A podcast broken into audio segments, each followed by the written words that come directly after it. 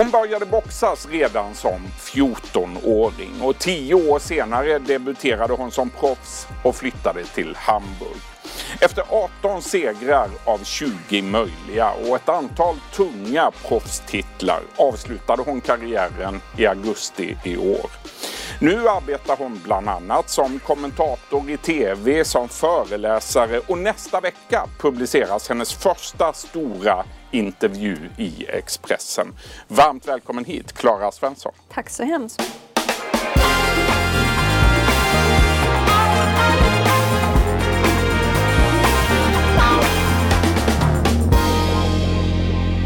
Du Klara, ja det har gått drygt eh, tre månader sedan eh, du gav beskedet att du avslutar din karriär. Hur många gånger har du ångrat dig sedan dess?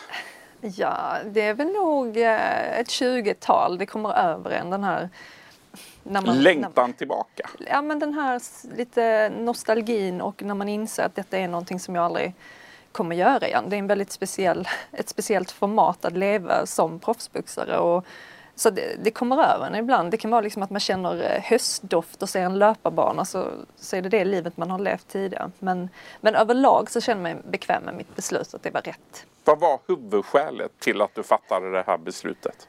Så det var en längre process som hade börjat att eh, jag hade liksom mött Bräckhus eh, största matchen man kan gå och liksom kommit till de här största målen. Eh, och sen inser man där uppe att livet förändras inte så mycket utan det är ju fortfarande samma eh, jobb som krävs och eh, hela tiden den här viljan att bli bättre. Och det har inte varit helt lätt att hitta det här teamet eller ett nytt upplägg och jag har liksom bytt länder och städer och tränat rätt mycket. Så att dels var det väl den känslan av att um, hungern som man hade när man kanske var 24 år och eh, liksom som kall på grönbete, den var inte lika stark. Eh, och sen även att jag hade vissa kollegor, vänner som fick hjärnblödningar och blev skadade så att det kom ikapp en lite det här risktagandet och vad man då är jag då inte tillräckligt hungrig och lika så tunnelseende så, så är det en farlig sport att, att fortsätta med bara för att man vill känna av hur det känns. Liksom. Var det en rädsla rent av? Inte en rädsla men däremot ett annat eh, tänk eh, efter Erik Skoglund då, min, min kollega och vän, fick den här eh, hjärnblödningen så såklart det väckte saker hos mig själv eftersom, eftersom jag känner honom. Vi har samma liksom, promotor och team. Eh, så det var en annan känsla bara. Och lite sådär att man kanske ska vara glad och eh, man ska veta when is when i, i proffsboxning. Jag tror inte alla vet det tyvärr. Hur har livet förändrats nu då, sen du slutade? Eh, ja, nu var det ju, det var ju förra året jag gick min senaste match så det har liksom varit en ganska lång process. Men men det är ju, det är ju ett nytt liv. Det är ju, jag kallar mig idrottspensionär men, men det är ju, jag känner mig civil och jag försöker liksom lära mig att vara en, en människa med en normal vardag. Eh, det har ju liksom inte hänt tidigare så jag försöker komma in i, i det och det är trevligt. Det finns väldigt mycket eh, gott att äta och dricka och roliga saker att göra. Det har du upptäckt först nu? Saker som man inte gör när man hänger på ett gym två gånger om dagen. Så att jag, jag är ganska mycket en kalv på grönbeten nu, att jag vill liksom ut och göra allt det jag inte kunnat göra tidigare. Har du någon nytta i det civila livet idag av att ha varit boxare i 17 år? Eh, ja, alltså eh, rent praktiskt är det väl inte så att jag liksom nitar så många folk om de tränger, tränger sig i kön. Men, men, eh, men det är väl en inställning och en slags pondus och en slags eh, självförtroende man har med sig. Att man har varit med om en ganska tuff bransch och eh, yrke som gör att man har någon slags lugn över sig med det mesta. Om vi backar tillbaka lite nu då. Du var 14 år gammal mm. när du började amatörboxas. Året efter gick du med i Höllvikens boxningsklubb. Varför blev det boxning och inte någon annan idrott? Det var fotboll från början. Jag tyckte det var väldigt kul med bollsport och sådär. Men eh, sen av ren slump så fick jag höra att de hade i en källarlokal så jag såg ju inte den. Den låg precis bredvid fotbollsplanen och då fanns det en klubb Höllviken då, eh, en väldigt bra tränare. Då kunde man börja med motionsboxning, sån här fitnessboxning.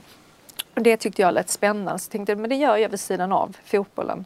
Eh, och sen så var det liksom, det, det växte på att det var mycket roligare och jag började liksom träna mer och mer. Och, och sen var jag i en bra ålder så då frågade de om, om jag skulle dit och testa i tävlingsgruppen. Och det gjorde jag. Och då var det lite som att eh, allt det som jag tyckte var svårt med fotbollen, det, det var min fördel i den nya sporten då. Så att på fotbollsplanen var jag väldigt smart och kunde sätta bra passning men jag var inte liksom snabbast. Men i, men i boxningsringen så var jag jäkligt snabb reaktionsmässigt så att jag kände att alla mina bästa kvaliteter liksom kom till sin rätt så det gjorde ju att man, eh, man växte med det. Och en bra tränare som såg mig. Och, nej. Du insåg ganska snabbt att du hade hittat rätt? Ja men det var så. Mm. Ja. Kan vem som helst bli en bra boxare? Eh, nej, alla kan nog inte bli bäst men jag tror många kan nog bli väldigt bra och bättre än vad de tror. Och sen så tror jag också att, som jag pratar med många människor, när man ser denna sporten utifrån så ser den ju väldigt hemsk ut kan den göra. Speciellt proffsboxning kan ju verkligen se ut så. Och även den här att, att slå en annan människa i skallen. Att det, det finns ju en slags moralisk gräns att man tycker det är jobbigt. Men när man är i det så ser man inte det som en slags, det är ingen temperament, ingen ilska utan det är ju liksom en måltavla. Så att, Ehm, det är nästan som man hade velat att folk skulle testa på det för att förstå att det är en annan upplevelse i ringen. Du som proffs hamnade du först i Hamburg och efter två år där så ringde ett av världens bästa boxningsstall, Team Sauerland, och du hamnade i Köpenhamn. Vad minns du av den dagen när du fick det där samtalet? Ja, men det, var, det var speciellt. Då hade man liksom jobbat i det tysta i två år och varit ny, varit hungrig och liksom klättrat på den här rankingen i Hamburg. Men mina matcher var inte tv-sända, det var inte så många som följde mig i Sverige. Så att till slut var jag då 10 0 som man säger mer meritmässigt. Jag hade vunnit 10 matcher och då skulle Team Sauerland satsa på den nordiska marknaden. Eller den skandinaviska. Så eh, det, det var ju liksom, det är lite som vinna på Triss kändes det som att nu äntligen skulle jag få boxas på hemmaplan, mina matcher skulle sändas. Så jag såg det som en extrem fördel. Du, eh, hösten 2016, ja. då mötte du Mikaela Laurén inför en jättepublik på Hovet i Stockholm. I medierna beskrevs det här som en hatmatch. Ja. Hur upplevde du det? Var det en hatmatch? Alltså själva matchen i sig, där, där var det ganska känslokallt från min sida eftersom jag har förstått det att om jag ska kunna prestera så måste jag kunna liksom hålla eh, mitt eh, humör långt borta. Eh, men det var en hatmatch. Det var, och det är rätt annorlunda. Det, det händer ju liksom vart sjätte år liksom i proffsboxning att det är riktiga känslor. Det var det i detta fallet. För vi hade starka meningsskiljaktigheter och vi hade liksom byggt upp ett slags ja, men rivalitet som inte var sådär trevlig. Um, Hur så kom det, var... det sig? Ja, det var det medvetet från båda håll? Eller? Eh, nej, jag tror det, det, var nog medvetet. Hon har nog skjutit åt rätt många håll. Eller kastat det kan man liksom, väl lugnt säga? Ja, eh, och jag var väl en av dem som fick smaka. Då hade jag väl liksom knutit min näve och tänkt liksom, ja hon snackar men vi är två olika viktklasser. Och sen, eh, sen till slut så sa jag väl vad jag tyckte när jag tyckte att hon gick över en gräns. Vi, vi gick match på samma gala på Hovet eh, på våren där 2016 eh, och då var det ju så att hon hällde vatten som var väldigt kränkande hela scenariot över min eh, kompis, en kroatiska som hon skulle möta och då, då kunde jag liksom inte hålla käften längre. Och då, då tog det liksom eld, hela den här grejen. Så att, eh, i och med att jag talade klartext i pressen och hund så blev det ju eh, i svensk media också väldigt eh, annorlunda. Alltså vi i Sverige är ju ganska frumma och gillar inte, det är inte så vanligt med eh, konflikter. När det är någonting i skidlandslaget så smusslas det och ingen säger vad de tycker. Så att folk vill ju så gärna veta och här var det ju två brudar som faktiskt sa vad de tyckte. Jag tror den kombinationen av att ha två duktiga idrottare som då var två motpoler, det var ju det som sålde matchen. Mm. Också. Det gjorde att det blev ett oerhört intresse. Ja. Hur är din relation med Mikaela Laurén idag? Ja, alltså vi är inte bästisar, det skulle jag inte säga. Eh, och jag får väl någon sån här släng hit och dit och det, det är liksom det jag förväntar mig. Men, men som sagt, vi hade kunnat sitta här och ha ett gott snack och ta en kaffe. Liksom. Det, det är mm. liksom, konflikten är lite rensad kan jag känna. Du vann mot Mikaela Laurén den där kvällen och mm. Fick därför möta världsmästaren Cecilia eh, Bräckhus. Och den 25 februari 2017 då var det dags. Du stod i ringen i ett utsålt spektrum i Oslo. 10 000 ja. åskådare var där. Och alla var där nästan för att heja fram henne. Ja. Du stod på benen i samtliga tio ronder men du förlorade matchen. Vad mm. tänker du om det idag? Det är ju den som svider mest. Eh, inte egentligen för att jag förlorade. Jag kan köpa att man förlorar om man har liksom fått ut allt det man kunde och den ena är bättre. Men i detta fallet så var det en sån frustrerande match där jag gick in i total mjölksyra efter tredje ronden. Eh, och därav så försvann mycket av min, eh, vad ska man säga, min kompetens i ringen. Så det blev ju det blev liksom en sluggerfest där jag överlevde tio ronder. Men, um, så den kan jag vara frustrerad på. Jag kan känna att fan, jag la, jag la ner extremt många månader av träning och sen så är det en sån dag som man inte riktigt kan förklara när, det, när man tar slut och det kan bero på många olika saker. Jag, Men du jag stod vissa... i sju ronder med mjölksyra? Ja, jo, och det kan jag inte rekommendera någon till att göra. Det är inte särskilt kul. Uh, så det är lite så här surt, men man lär sig av det. Det är klart att jag funderar på det, att det, det kan ju ha varit uh, lite överträning, det kan ha varit många olika saker. Det är mycket som ska stämma och just i proffsboxning så är det ju en utövare uh, och det gäller att ha du ska ju tajma att eh, den här dagen ska allting funka och man, man har ju varit van att tävla under förutsättningen att man inte är så, så pigg eller så frisk men ehm, Ja men det är mycket som ska stämma. Mm. Två år senare då ville du ha revansch. Mm. Då sa Cecilia Bräckhus Klara måste komma ner på jorden för just nu beter hon sig som en bortskämd snorunge. Ja så var det. Vad tänkte du när du fick höra det? Jag tyckte det var kul att hon äh, gick lös där. Hon, hon, är ju, till skillnad från många andra så är hon ju, nej vi ska inte säga det kanske i media, men hon är inte jättesympatisk. Det ska jag inte säga. Hon är ju bra på att boxas men det är ju ingen sympatisk människa sådär. Men, äh, men jag tycker det är kul att hon äh, fräser.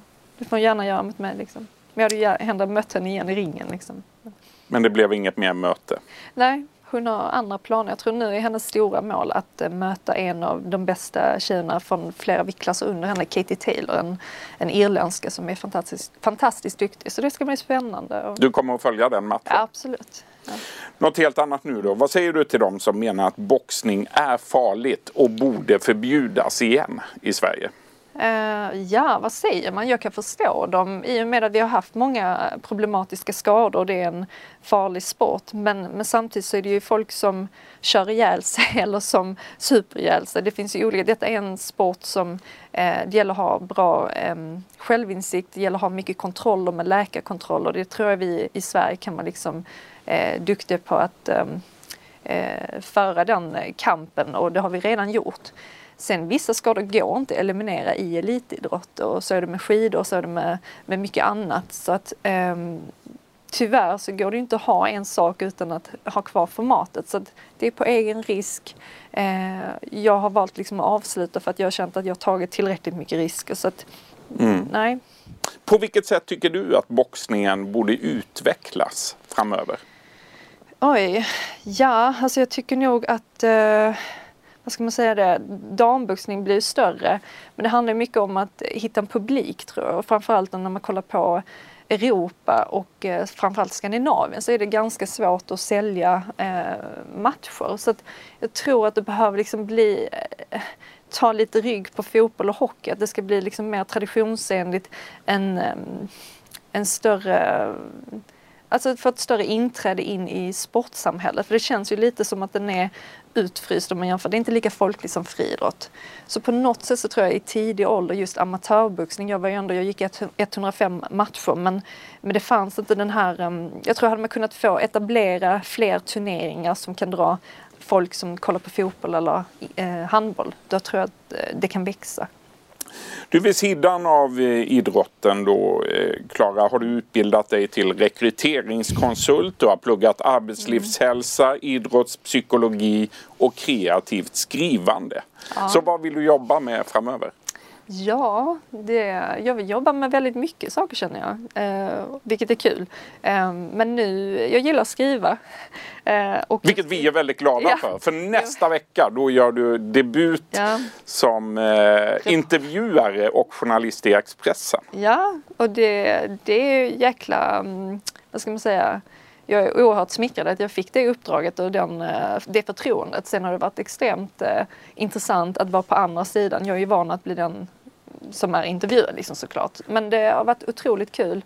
Ehm, jag har jobbat mycket med TV, det är ju snabba puckar där som du märker nu. Absolut. Eh, så det är annorlunda att skriva, men jag tycker om att skriva så att eh, första reportaget kommer och det kommer vara Henke Larsson, så jag har träffat fem stycken stora idrottsstjärnor och han är först ut nu. Fotbollsstjärnan Henke Ja. Larsson på söndag kväll troligen Precis. på Expressen.se Ja. och i tidningen på måndag. Eh, du håller också föreläsningar och har gjort under en ganska lång tid. Du har hållit en föreläsning som heter Från läppglans till näsblod. Ja. Den handlar om fördomar bland annat. Vilka är de vanligaste fördomarna om boxning? Alltså det finns ju de vanliga såklart med att det är bara massa gamla sjömän och, och kriminella. Men den har ju lagt sig lite. Men jag tror jag döpte ju den här föreläsningen eftersom jag jobbat med smink och parfym i många år samtidigt som jag boxat. Så jag älskar verkligen läppglans. Jag är fortfarande. Så att kontrasten mellan att ehm, kanske sitta och eh, inte tillhöra den stereotypiska bilden har ju varit svår för vissa. Men jag tror, jag tror ändå ju fler olika varianter vi ser på människor som sysslar med den här sporten så bryter man de här gamla normerna. Eh, Så det är bra. Det är bra. En annan föreläsning som du har hållit heter Våga vara obekväm. Hur bär man sig åt för att våga utmana sig själv och sina gränser? Hur gjorde du? Men jag tror det är lite det som jag gillar att prata om i mina föreläsningar. Att, att jag tror många människor gillar inte den här obekväma nervositetskänslan när man känner att det liksom blir det är en viss känsla om man ska gå på en arbetsintervju eller göra någonting man inte är van vid. Men om man stannar upp och liksom, det gör ju inte ont att känna så här utan det är bara en annan känsla. Om man börjar liksom ifrågasätta om det är någonting eh, som man liksom kan bli van vid och bekväm med så, så, så är det inte så farligt. Och det, eh, jag tror man kan vinna rätt mycket på att eh, inte fly undan de här obekväma känslorna utan stanna upp och egentligen ifrågasätta, är det så jobbigt? Säger alltså den tidigare proffsboxaren Klara Svensson. Stort tack för att du kom till vår studio Tack idag. Och själv. missa nu inte hennes intervjuer i Expressen de närmaste veckorna. Premiär alltså söndag kväll och ni läser hennes första intervju med fotbollsspelaren Henke Larsson i Papperstidningen på måndag. Du har lyssnat på en podcast från Expressen. Ansvarig utgivare är Klas Granström. Ett poddtips från Podplay. I fallen jag aldrig glömmer djupdyker Hasse Aro i arbetet bakom några av Sveriges mest uppseendeväckande brottsutredningar. Går vi in med hemlig telefonavlyssning och, och då upplever vi att vi får en total förändring av hans beteende. Vad är det som händer nu? Vem är det som läcker?